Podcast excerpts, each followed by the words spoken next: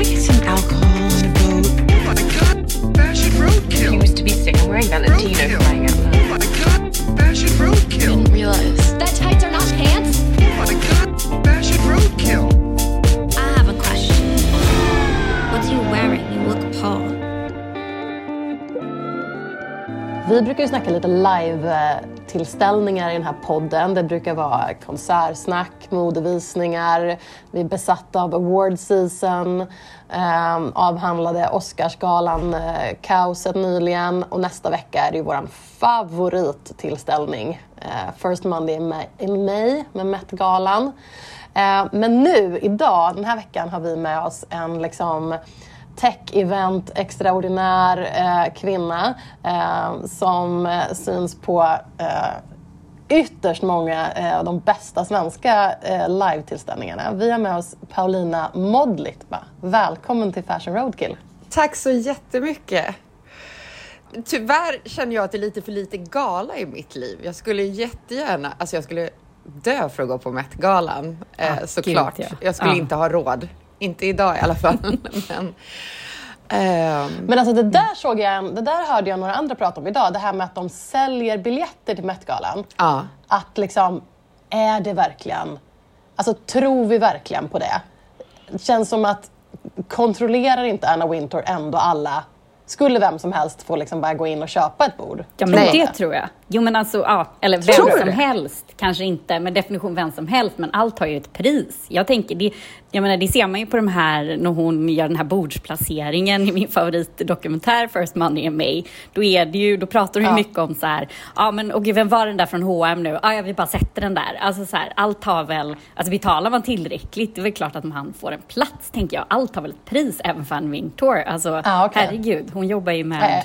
En kommersiell verksamhet, det tror jag. Alltså har man tillräckligt man kan hosta upp och se lite ball ut så tänker jag att då kan man nog få en ticket in. Det tror jag. Ja, du tror det? Ja, det tror jag. Ja, okej. Absolut. Ja. Det Jag finns ju även massa rika människor behind the scenes också, tänker jag, som är liksom viktiga på andra sätt, som säkert är välkomna. Men jag vet inte om en så här, eh, någon som har gått och vunnit 300 miljoner på, på Lotto liksom är välkommen. I don't know. Det Nej, skulle vara kanske. spännande att höra. Nej, men det är det jag också funderar på. Eller liksom någon så här kontroversiell person. Alltså typ någon riktig, så här, alltså nu typ en oligark liksom, som Ja, skulle ta med eller Will posse. Smith. Det vore ju... Ja, Will Smith. Eller Will Smith.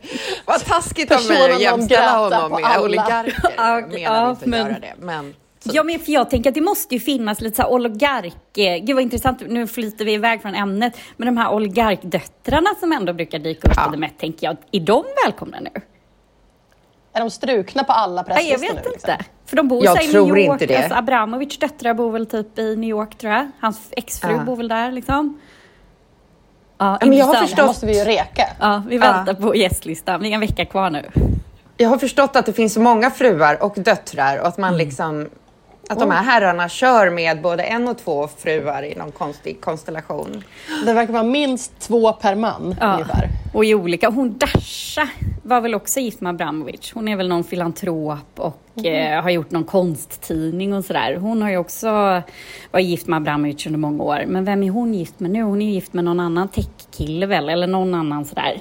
Um, ja, Ja, jag har dålig koll på det, men det känns som Ja. att de har en officiell fru och sen har de liksom någon snygg inofficiell fru och eh, jag, jag, har Ofta förstått- gymnast. jag har inte knäckt den här koden än riktigt, men Nej, men det verkar så. Men, men du Paulina, ehm, du är här för vi är så nyfikna på att snacka om eh, dig, ehm, din bakgrund och även det du gör, ditt jobb med massa häftiga spännande tech-events. Eh, men för de som inte har koll på dig, ehm, kan inte du berätta så här, lite kort, vem är du? det går inte. Men om man ska säga så här, jag driver förändring och innovation eh, på massa olika sätt. Allt ifrån att sitta i styrelser till att bygga konferenser för att få folk att mötas och insupa nu, ny kunskap. Eh, till att själv föreläsa, moderera. ehm, ibland gör jag allt på en gång. eh, till att eh, starta nya initiativ. Jag bygger egna konferenser då, eh, som heter Gather Women in Tech.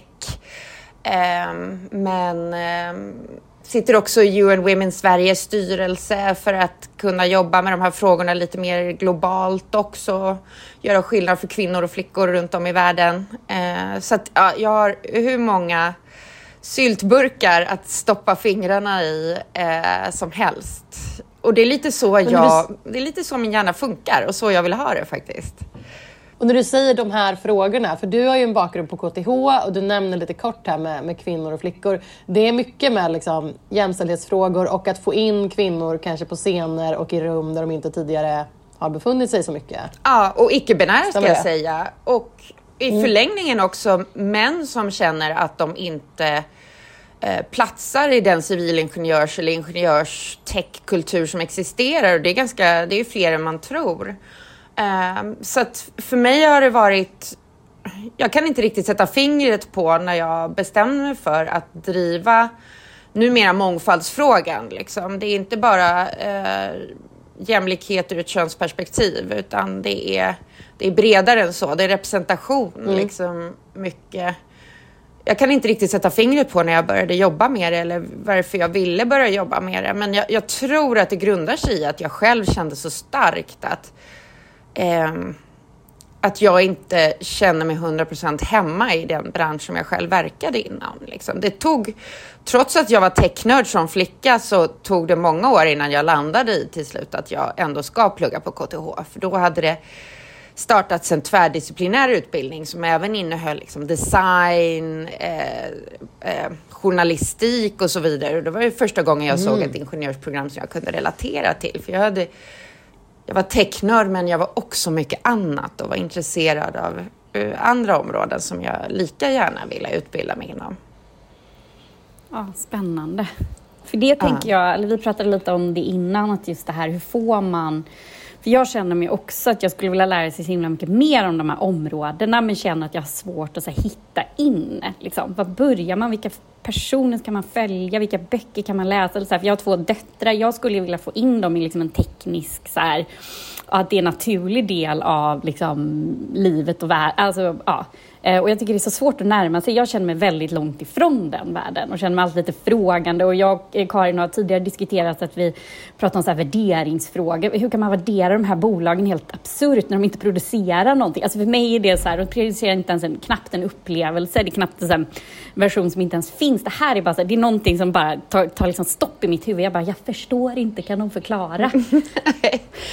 Och sen kommer det här med liksom kryptovaluta också och eh, NFT som folk betalar miljarders miljoner för och då blir det ännu svårare. Ja. Det är ju en helt annan typ av logik och jag, jag förstår att det är svårt att hänga med om man inte själv har den bakgrunden.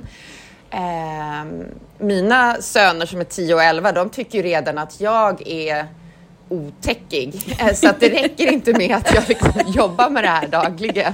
Jag hänger liksom ändå inte med i deras, eh, i deras eh, liksom, tempo, om man säger. Men eh, jag kan ju passa på att göra lite self-promotion, eh, eller sådär Kör. postumt, eller hur man ska säga. Jag var med och startade Tekla-festivalen på KTH tillsammans Ja. med artisten Robin. Och eh, har inte Så jobbat coolt. med det sen, sen dess. Det var väl sju år sedan, men det har till min stora glädje fortsatt varje år och också expanderat. Så att man har, man har ordnat Tek- Tekla-festivaler både i Washington och i Indien. Ehm, och, eh, alltså Washington DC. Och eh, eh, jag tror att det äger rum igen samma dag som Women in Tech äger rum, det vill säga 13 maj. Eh, och det är, det är ett hett tips. Om man har döttrar i den här åldern, alltså kanske nio och uppåt, så rekommenderar jag varmt att man anmäler dem till Tekla-festivalen. För att där får man ehm, väl, på ett väldigt lekfullt sätt och inbjudande sätt utforska allt från liksom att leka med robotar till att programmera lite till att... Ja, jag tror att det lekfulla är väldigt, eh, väldigt viktigt i det här sammanhanget. Att det är Ja, men vad roligt. Kul. Bra tips. Ja, men den Bra. har vi läst, eller den Ja, har man verkligen. läst om, men gud vad roligt att den fortsätter och att den också expanderar. Det är ju fantastiskt. Mm. Ja, och den är numera inte på KTH utan ute i Södertälje för att också öka tillgången till den för folk som inte bor i innerstan. grymt ju. Men du, du har nämnt Women in Tech några gånger här nu. Det är liksom, eh, jag har inte varit på Women in Tech. Jag har förstått att det är sånt jäkla tryck på de där biljetterna. Det är fullbokat varenda år. Vad är, vad är grejen liksom? Varför är det en så het tillställning? Berätta. De tog ju slut på tre minuter eh, i år. De är Jeez, gratis biljetterna ska jag säga för att det är, vi vill ha ett så tillgängligt event som möjligt. Eh, Women in Tech Sweden är en, eh, en ideell, eh, ett ideellt event, eh, ideellt event som finansieras eh, helt av de sponsorer och partners som vi har helt enkelt. Så att inga biljettintäkter och så. Ehm, mm, och vi har över 30 partners och även där så har vi ju turen att ha partners som eh, kastar sig på konferensen och vill vara en del av det och vi är så stolta över det. Jag jobbar ju med andra konferenser där det verkligen inte är eh, sitt liksom eh, caset utan där, där får man liksom verkligen jobba hårt med säljet för att få in partners. Men här är det många eh, av de stora techbolagen, eh, IT-bolagen som verkligen vill vara med. Eh, och vi är dels en plattform som existerar året runt där vi håller meetups med våra partners. Eh, under pandemin har det varit virtuellt men annars så bjuder de gärna in folk till sina kontor för att också visa upp sig själva som arbetsplats och så. Eh, Och sen så har vi en stor konferens varje år. Eh, vanligtvis är den kring internationella kvinnodagen men i år så var det lite sådär oklart om man skulle kunna ha så stora event som, eh, som Women in Tech är eh, på grund av pandemin. Så att vi flyttade det till 30, fredag den 13 maj. Det var det enda datumet som fanns obokat så att eh, vi, fick, vi fick ta det. Men eh, vi, vi har ungefär 2500 kvinnor och, och män, alla kön egentligen, representerade på plats. Så det, är, det är fantastiskt att vi kan ha det fysiskt igen, för det, det ger så mycket energi. Precis, för det pratade vi ju lite om innan, att så här, det känns ändå som att det finns ett upptämt behov av att både ses fysiskt och uppenbarligen då om ni kan på tre minuter eh, kränga ut, eh, även då om det inte är en intäkt, så ändå på tre minuter att dessa biljetter går. Två, vad sa du, 2700 ungefär, nästan 3000 personer vill ses igen. Det är ju fantastiskt ju. Ja, verkligen. Ja, jag, Det är ju som så här Håkan Hellström-tryck på de där biljetterna. liksom. Jo, jag, jag är helt säker på att vi skulle kunna fylla Globen, men problemet är eh, att det är svårt att skala den här typen av event till den, till den storleken. Liksom. För då skulle vi behöva ta in betydligt fler partners. Vi är bara tre kvinnor som, eh, som jobbar i core-teamet med det här eventet. Oj, Liksom. Vi, ja. skulle, vi skulle behöva skala upp ekonomin på ett helt annat sätt och det skulle bli ett helt annat jippo, tänker jag. Eller jag vet inte hur, riktigt hur jag ska förklara det. Men, Nej, men det blir Vi mer- snackar med Anna, hon jobbar ju där borta. Alltså. Ja men Ah, precis, jag har jobbat ja. med på arenan där borta på Avicii Arena och till två arenor de här. Men det blir ju också som att då skulle ni nästan behöva göra det liksom heltid. Inte som då som det låter som att ni gör det här, du gör ju hundra andra typer av projekt. Då skulle det här bli som Exakt. du säger, någon slags heltidsprojekt. Man skulle behöva ha partners som man liksom arbetade med, ja, men säkert under hela året och den typen av ekonomi. Det blir som du säger, det blir så otroligt mycket mer kostnader när man skalar upp den Exakt. där. Och då är, det gör man ju för att man vill ha en biljettintäkt, men det har ju inte ni. Så jag förstår, det kan ju vara också... Sen är det också ett värde i att man inte heller gör det för stort, att det fortfarande håller en, liksom en bass i att man eh, ja, inte gör det för stort heller. Att det ska vara eh, inkluderande men exklusivt. Man kan ju ha två tankar i huvudet samtidigt. Liksom. Båda de Exakt, sakerna och jag kan ju vara hoppas att jag hoppas ju att i och med att vi håller det år efter år, att, att alla så småningom, alla som vill gå faktiskt får gå. Och sen Mm. så tillgängliggör vi eventet genom att streama. Mm. Eh, så länge man är medlem och det är gratis så, så har man tillgång Mm. till streamen gratis. Så att, eh, så att man kan fortfarande, jag förstår ju att det inte är riktigt samma sak som att vara på plats, men, men Är ändå en fråga, är det svårt att få de här kvinnorna i programmet att ställa upp? För det har ju också varit, alltså, det pratar jag och Karin ibland om, att så här, hur får man kvinnor att tacka ja? Är det liksom enklare den här för att de vet att de kämpar så mycket eller är det ungefär samma? Eller är det... Det är en sån skillnad, så stor skillnad. Jag har faktiskt inte tänkt på det, men nu när du frågade så var det i början, jag har jobbat med det här i sju år nu, i början så var det, kunde jag stöta på kvinnor som, som var ärliga med att säga, jag har aldrig pratat på en scen förut, jag tycker det är läskigt. Eh, idag är det bara liksom, det är, det är PR-agenter som tipsar om sina kvinnliga, led, eller kvinnliga ledare på de bolag de representerar. Det är kvinnor som själva helt liksom eh, skamlöst rekommenderar sig själva och jag älskar Härligt. det. Ja.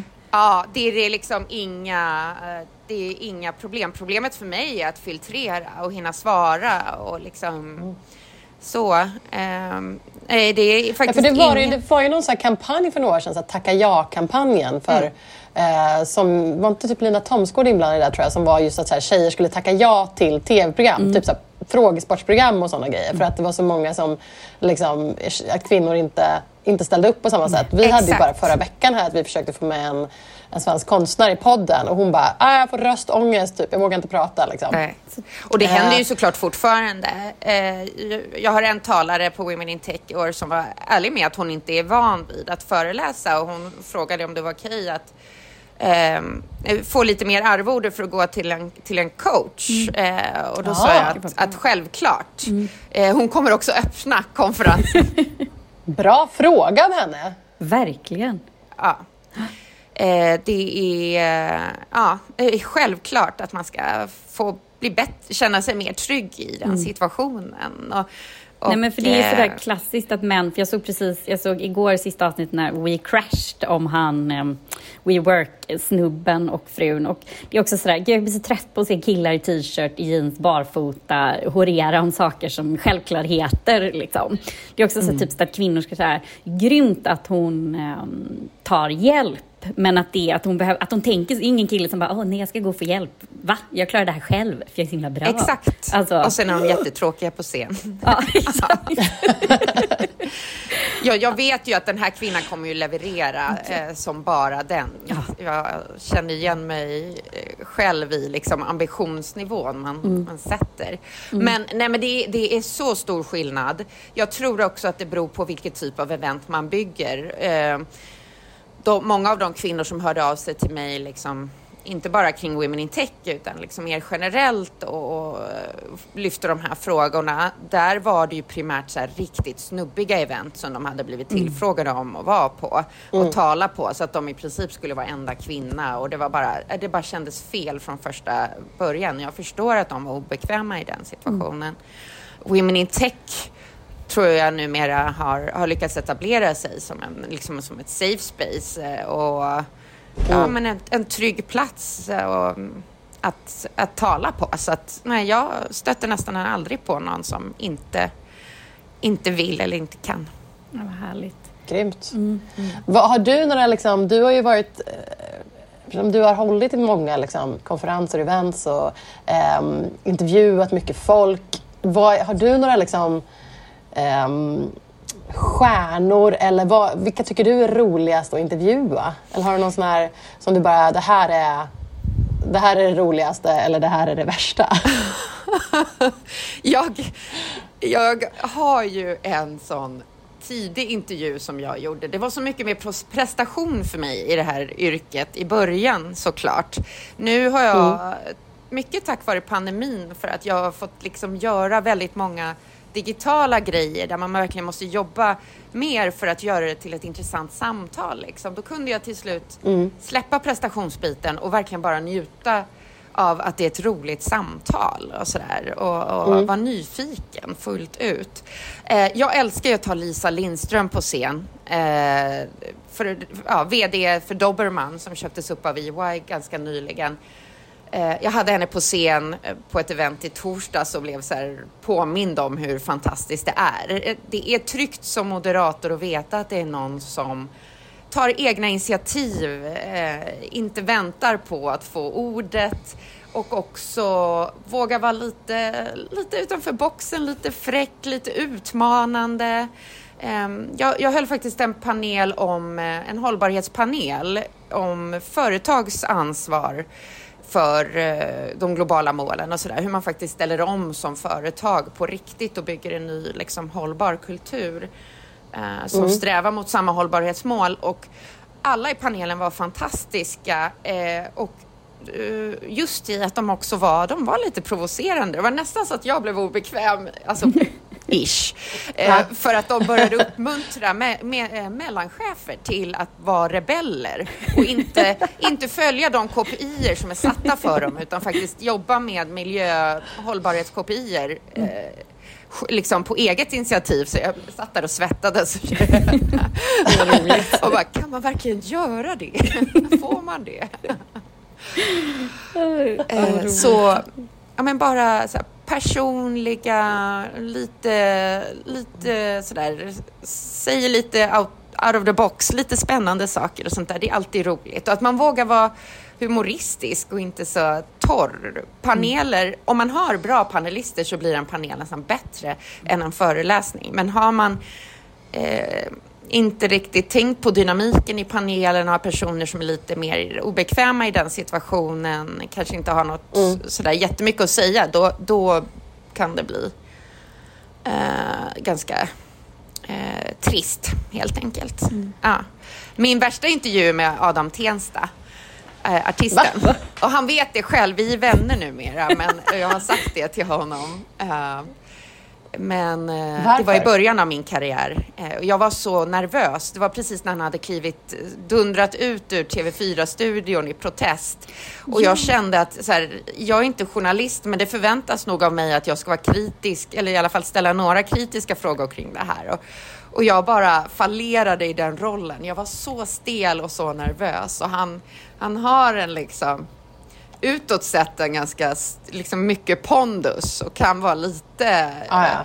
intimidating. Mm. Så att, eh, ja, det där gick inte bra alls. Men, okay. jag men har ni, fått revansch. Ni är vänner nu i alla fall? Ni har pratat ut om det eller ni är...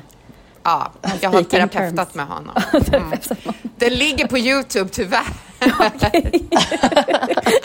men vad, vad, var det där med att han stormade ur till Fyra-studion? Det är någonting men jag kan inte komma ihåg vad det var. Var det någon så fel fråga eller vad var det han gjorde? Nej, kring, äh, kring rasism helt ja. enkelt. Att han, om jag minns rätt så tyckte ah. han inte att TV4 tog fullt ansvar ja. för sin äh, antirasistiska mm. policy. Liksom. Ja, ah. vilket vi kan alla tror jag stödja honom i.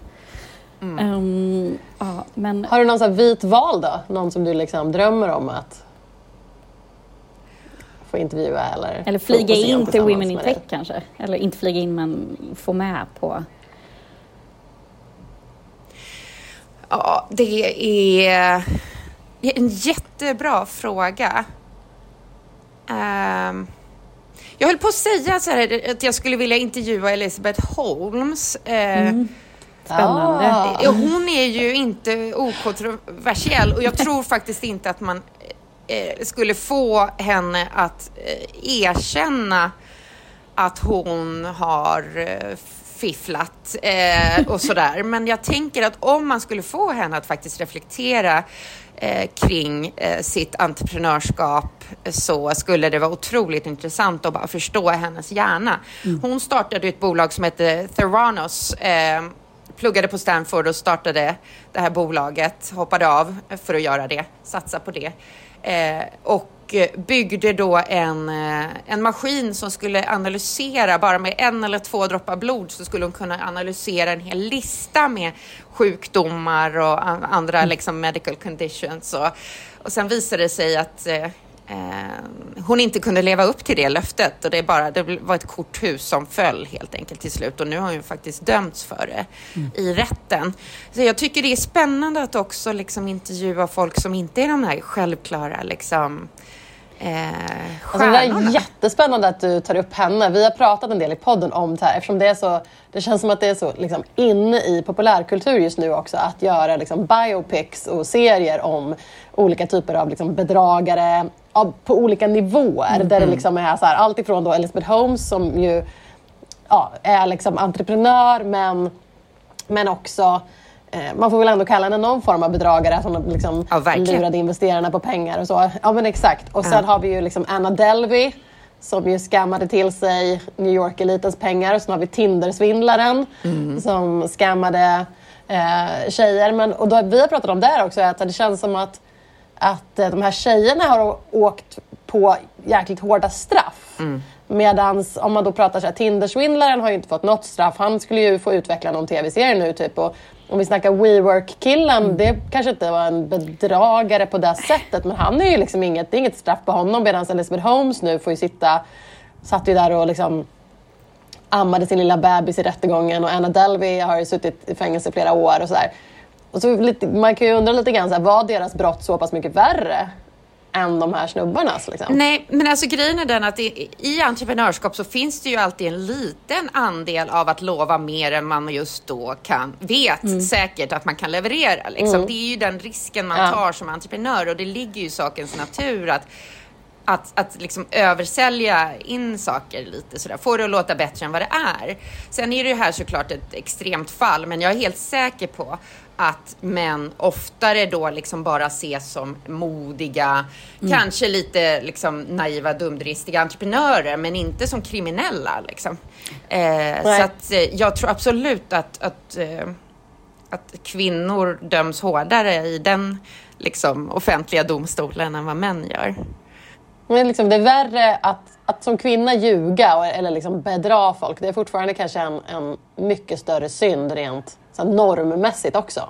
Ja, och helt man. ärligt, helt ärligt så känns det faktiskt Eh, det, det är väl lite som, jag har invandrarbakgrund också, att man som liksom, man ser nu med kravallerna till exempel, att, att alla dras över samma, eh, över en kam och att när sånt här händer så vet man, nu är jag en väldigt liksom mellanmjölksinvandrare eh, som, som jag brukar kalla mig för, eh, så att jag drabbas inte så hårt av det, men jag kan verkligen ändå förstå att man känner att så här, åh nej, nu förstör de här, liksom, nu kommer vi kliva fem år tillbaka i hur långt vi har kommit med jämlikheten i det här samhället.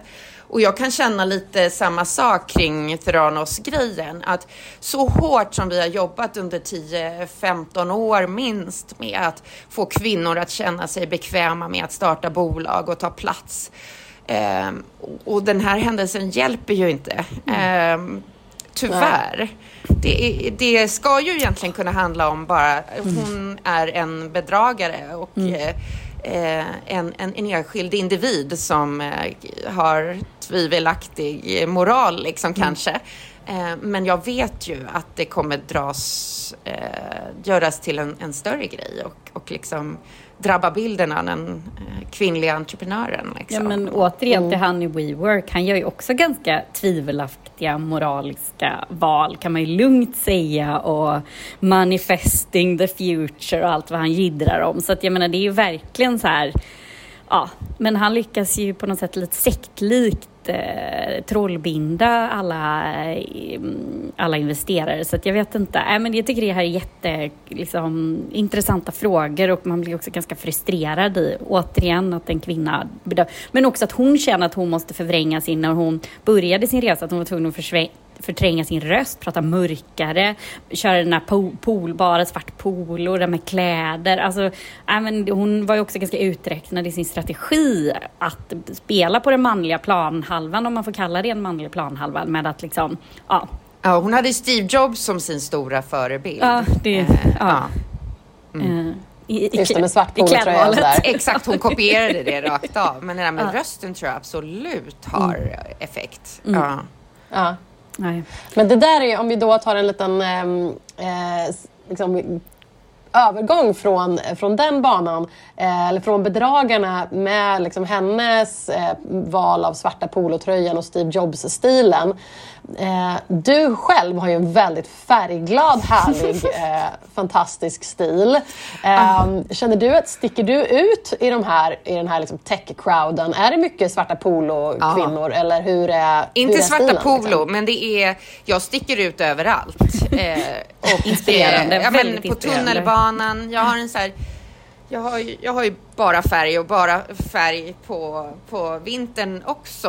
Eh, alltså är färgglad på vintern. Eh, jag har en, en ljusklar blå vinterjacka och jag får så mycket kommentarer och jag märker att folk tittar på mig och man ser hur det händer någonting i huvudet på dem. Att de är så här, Jaha, man kan, ha, man kan ha en annan färg än svart och grå på sin vinterjacka. Mm.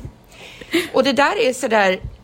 Eh, det är intressant att du frågar, för, jag, för mig känns det helt naturligt. Det hänger ju på vad man känner sig bekväm med. Liksom. Och jag blir så glad av färg.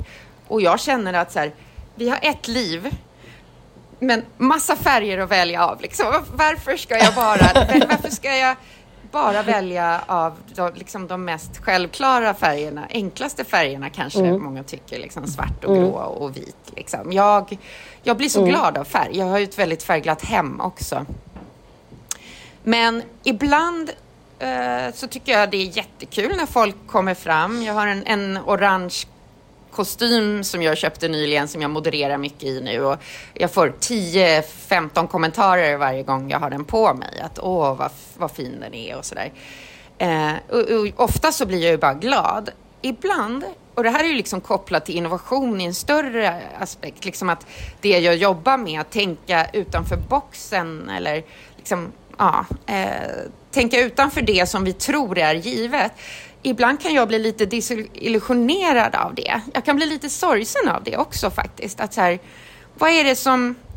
Den mänskliga hjärnan är så fantastisk. Vi är så fantastiska och, och vi är ju, till skillnad från många andra arter, liksom, eh, vä- välsignade, eller vad man ska säga, utan att, utan att mena det på ett kristet sätt, eh, välsignade med en, en hjärna som kan så mycket, som verkligen är gjord för att tänka utanför boxen. Liksom. Och, och så väljer vi att leva så konformt, så att en, en liksom, att jag har klickat hem en orange kostym på fem minuter eh, och har på mig den är som värsta, liksom, som om jag har uppfunnit eh, liksom, eh, jag vet inte, marsresor känns det som. Och det kan ibland göra mig lite dyster eller lite sådär, få lite ont i magen för jag önskar att fler Liksom, att, att vi alla liksom verkligen kände mångfalden av allt som finns tillgängligt och verkligen Men du kanske, du kanske pushar andras gränser. Du kanske får folk att våga lite mer. Ja, men det vet jag. Vågar, Det kanske inte vågar köpa en hel kavaj, men någon kanske köper en liten, en liten orange t-shirt i alla fall och har under sin Sin svarta kavaj. svarta kavaj. Jo, men det är folk som hör av sig och, och säger det. Så att jag, Åh, jag vet att det är härligt. så. Det är jättekul såklart. Ja. Ja men ditt flöde är ju, vi kan, eh, ska länka till din Instagram, men ditt flöde är ju väldigt härligt och väldigt inspirerande just för att det är väldigt skiftande. Det är allt från liksom kloka inspel om mångfald till ja, men att du har en härlig orange, eh, rosa, röd eh, kostym till bra musiktips. Liksom. Alltså det är ju en väldigt liksom, en inspirerande flöde att följa. Verkligen. Ja, men vad kul att du Ja, säger det. Fler jag tänker ibland dit. att folk måste undra så här, hur det här spannet mellan någon väldigt ytlig selfie till eh, någon hiphop-låt till att prata om eh, AI och etik liksom. Eh, att, att det är svårt att få ihop vem jag är som person. Men, men men väl- nu har jag passerat 40 och, har, och, och, och skiter nog i det numera, tror jag. jag. Jag bara är den jag är. Ja, gud. Jag tänker att det är kontrasterna som gör folk intressanta. Gud Mm. ja. Ja, verkligen. Nej, Men superinspirerande. apropå ditt flöde så eh, vi brukar ju avsluta podden varje vecka med att vi drar varsin älska internet. Där vi älskar någonting på internet eh, den här veckan. Så då vill jag fråga dig eh, Paulina, vad älskar du på internet just nu?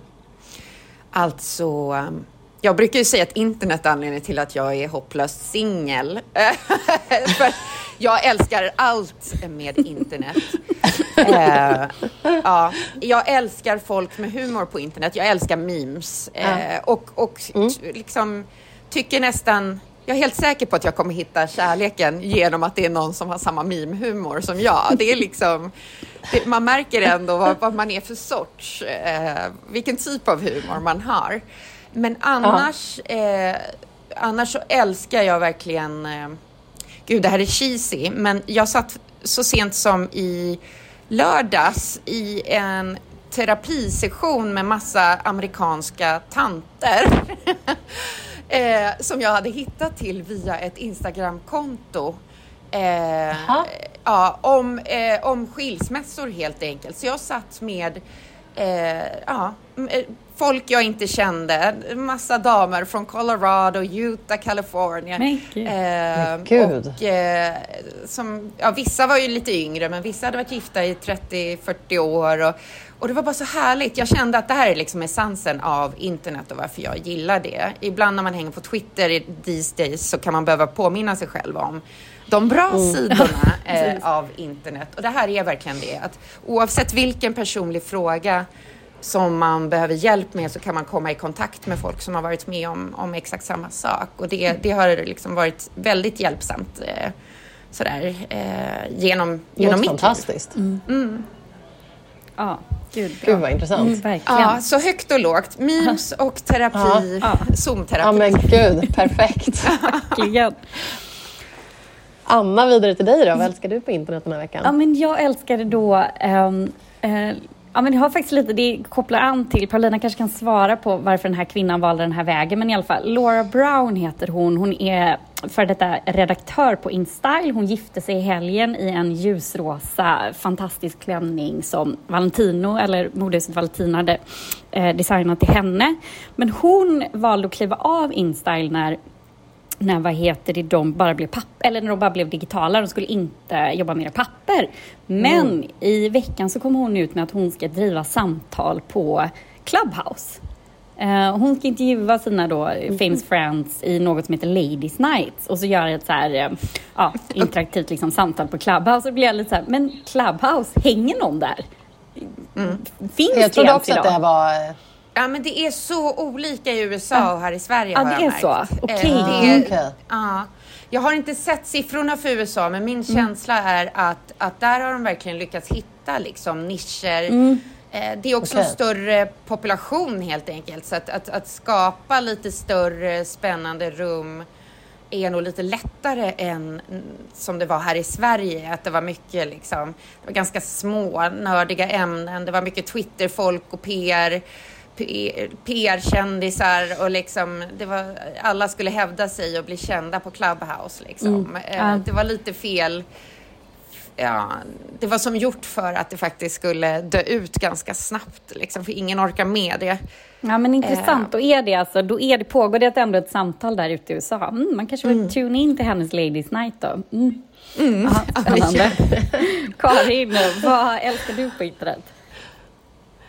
Eh, men jag älskar, jag såg att det tydligen, jag är inte själv så mycket på, på TikTok, men, men tydligen pågår det en trend på TikTok just nu som heter Coastal Grandmother.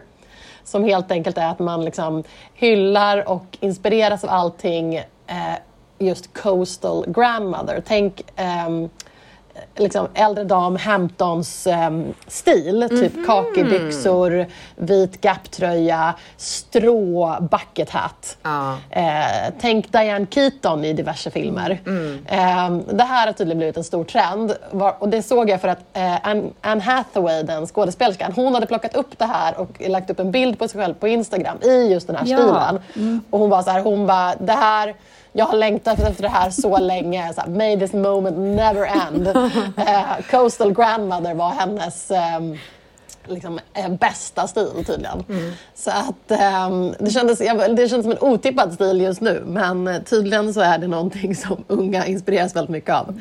Eh, och det verkar vara allt ifrån liksom, recept till, till klädstil till någon sorts eh, playlists. Eh, allting ska, man ska inspireras av de här eh, amerikansk östkust eh, grandmothers. Jag kom på en sak till. Får jag, nu när du ändå pratar om, om liksom stil och sådär. Eh, vi har ju alla sett de här liksom Macron-memesen som har, apropå Ja, segern i natt och sådär också. Eh, Macron i olika, han- dels här lite Zelensky-inspirerat i hoodie. Gud, han är en sån Zelensky-imposter. Exakt. Och sen då lite mer proper, men sen framför allt den här bilden han sitter och liksom eh, bredbent eh, och med uppknäppt skjorta och eh, en, en väldigt tydlig matta på Brösthåret bröstet ute. liksom bara s- ja, hänger i soffan. Och, eh, så det har jag ju, kan jag ju säga ändå också tyckt var väldigt roligt. Men jag vaknade till i morse av liksom att hela Twitter har gått bananas för att Liberalernas nya eh, eh, partiledare, vad heter han, Johan Persson? Nej? Persson. Persson, gud jag såg det här. Ja, han har gjort en, en kopia av den bilden som liksom, den träffar ju inte rätt någonstans. Nej men gud vad jobbigt. det, nej men det är så cringe, det är så cringe. Eh, hans bild ser liksom Alltså ut jag, som det här, jag såg det här på pendeln in också. Jag såg någon som hade, det var ju någon som hade lagt upp den, typ att det var någon från Liberalerna som bara Åh, Johan Po- Persson just broke the internet och någon Ja. som hade svarat och bara Or did he? Ja, Liksom. Men exakt. gud vad och de har ju intressant. bara... Han verkligen vara nere med så här, för jag hörde någon om, han var tidigt med i någon så här P3 morgon passet intervju där han skulle Han- vara så här, han vill "Funny vara down with guy." the kids. Yeah. Gud, han ska vara så tjenis. Åh nej! Här, du, du måste förtjäna det. Man kan inte vara liksom PR-strategi utan det liksom. Men, Exakt så. Och så har de bara behållit kommentarerna som är snälla och peppiga. Så att man får också en helt så här förvrängd bild av mottagandet om man kollar i kommentarsfälten. ja, men gud, jag måste kolla. Det här har jag missat nu på morgonen. Ja men gud vad spännande. Ja, Ja. mm. Ja, det här, blir, det här får du Enjoy. kolla upp nu, Anna. Ja. Men du Paulina, tack så jättemycket för att du ville vara med i vår podd. Såklart. Jättekul att ha Det dig var med. jätteroligt. Ja, men tack. Och tack alla ni som lyssnar. Vi är jätteglada för att ni lyssnar. Och vi, som vanligt så lägger vi upp massa referenser på vårt Instagramkonto och vi kommer att eh, länka till Paulinas eh, färgglada, fantastiska konto. Så eh, vi ses där helt enkelt. Nu måste jag leva upp till det också. Tack så Ha det mycket. Hej. fint! Hej då! Hej. roadkill. Can I get some alcohol and a boat? Oh my god, fashion roadkill. I used to be sick. I'm wearing Valentino flying out. Oh my god, fashion roadkill. Didn't realize. That tights are not pants? Oh my god, fashion roadkill.